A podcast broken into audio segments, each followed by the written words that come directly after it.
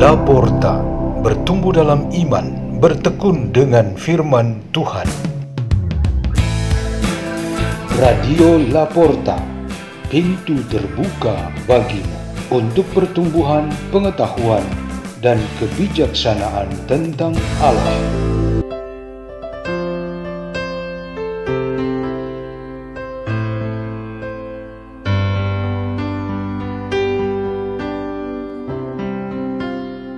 Bacaan-bacaan dan renungan Sabda Tuhan Hari Minggu Biasa ke-29 16 Oktober 2022 Dibawakan oleh Henry Tirto Rini dan Pater Peter SDB dari komunitas Pukat Labuan Bajo Keuskupan Ruteng Indonesia.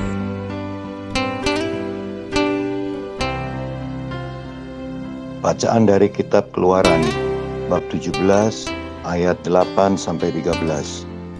Sekali peristiwa datanglah orang Amalek dan berperang melawan orang Israel di Rafidim. Musa berkata kepada Yosua, "Pilihlah orang-orang bagi kita, lalu keluarlah berperang melawan orang Amalek. Aku sendiri besok akan berdiri di puncak bukit itu dengan memegang tongkat Allah di tanganku." Lalu Yosua melakukan seperti yang dikatakan Musa kepadanya dan berperang melawan orang Amalek. Sedangkan Musa, Harun dan Hur naik ke puncak bukit. Dan terjadilah hal berikut ini. Apabila Musa mengangkat tangannya, lebih kuatlah pasukan Israel. Sebaliknya, apabila Musa menurunkan tangannya, Amaleklah yang lebih kuat. Tetapi menjadi penatlah tangan Musa maka Harun dan Hur mengambil sebuah batu, meletakkannya di belakang Musa, supaya ia duduk di atasnya.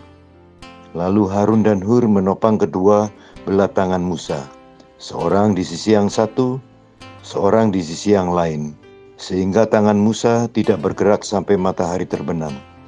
Demikianlah Yosua mengalahkan Amalek dan rakyatnya dengan mata pedang. Demikianlah sabda Tuhan.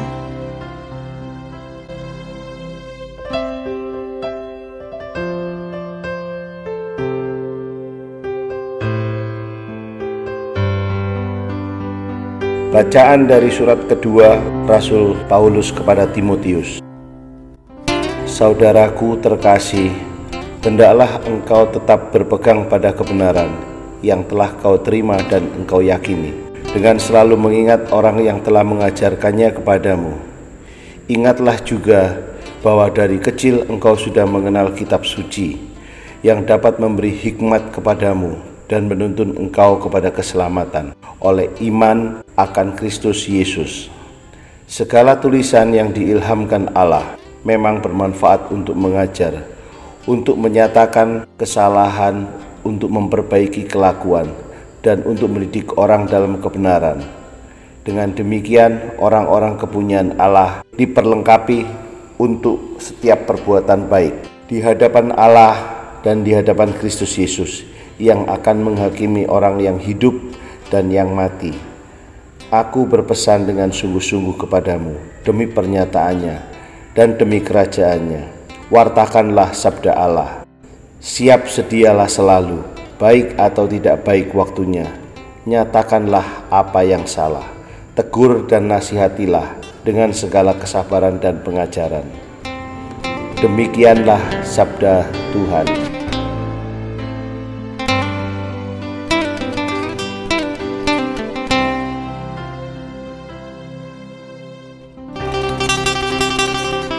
Inilah Injil suci menurut Lukas bab 18 ayat 1 sampai 8. Sekali peristiwa Yesus menyampaikan suatu perumpamaan kepada murid-muridnya untuk menegaskan bahwa mereka harus selalu berdoa dengan tidak jemu-jemu. Ia berkata, di sebuah kota ada seorang hakim yang tidak takut akan Allah dan tidak menghormati siapa pun. Dan di kota itu ada pula seorang janda yang selalu datang kepada hakim itu dan berkata, "Belalah aku terhadap lawanku."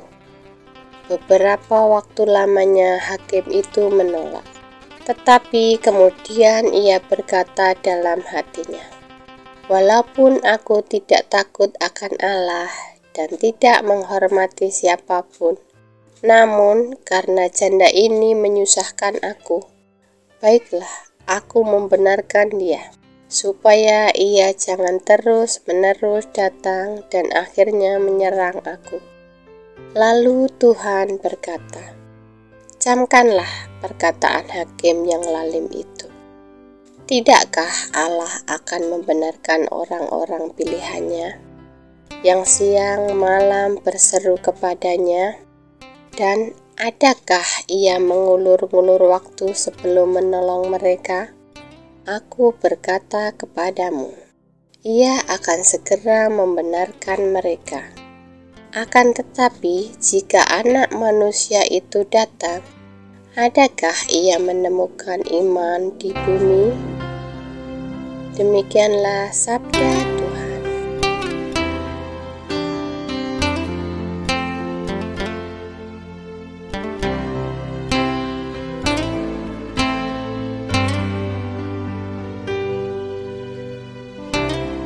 Tema renungan kita pada hari Minggu biasa ke-29 ini ialah kehendak Tuhan yang terjadi. Sarana yang kita pakai untuk selalu berhubungan dengan Tuhan ialah doa. Doa-doa kita selalu berwujud aktivitas seperti mengucapkan atau mengungkapkan kata-kata, mengidungkan pujian, berdiam dalam meditasi atau kontemplasi, menuliskan ungkapan hati, dan melakukan gerakan-gerakan tubuh. Doa kita selalu ditujukan kepada Tuhan. Padanya semua doa kita berhenti. Tidak ada tujuan atau tempat lain yang lebih lanjut untuk doa-doa itu menetap selain Tuhan. Seorang ibu menjelaskan kepada anaknya bahwa pada Tuhan ada tempat yang begitu luas dan tak akan pernah penuh Meski dari dulu sampai sekarang semua orang mengirimkan doa dan permohonan dari dunia. Siang dan malam serta setiap saat kita berdoa, namun belum pernah kita dengar atau baca dari kitab suci bahwa gudang di surga sudah penuh dan tidak bisa memuat lagi. Pada saat kita berdoa, saat itulah doa kita sampai kepada Tuhan. Santo Bernardus di dalam refleksi dan doanya berkeyakinan sungguh kuat bahwa doa-doa kita langsung sampai kepada Tuhan. Tidak ada hambatan atau suatu perjalanan berliku-liku sehingga doa kita terlambat atau tertunda sampai kepada Tuhan. Yang kemudian selalu menjadi persoalan kita ialah apakah doa-doa kita terkabulkan sesuai dengan yang kita inginkan atau tidak. Biasanya yang kita inginkan ialah waktu terkabulnya yang kita kehendaki dan wujud pertolongan yang kita inginkan.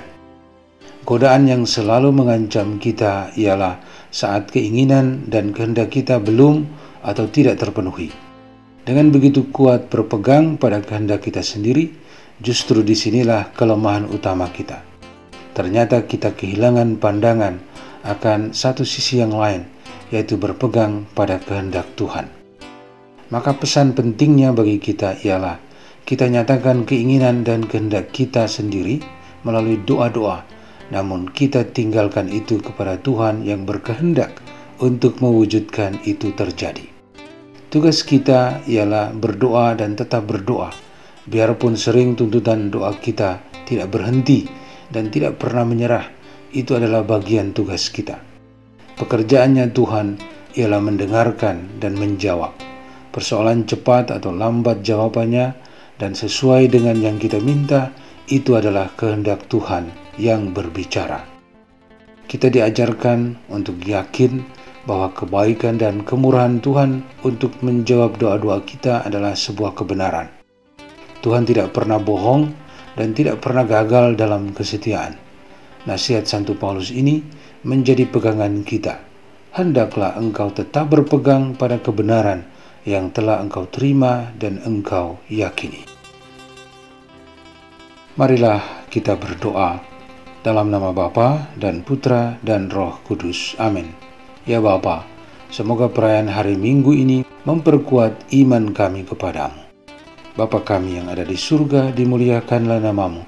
Datanglah kerajaanmu, jadilah kehendakmu, di atas bumi seperti di dalam surga.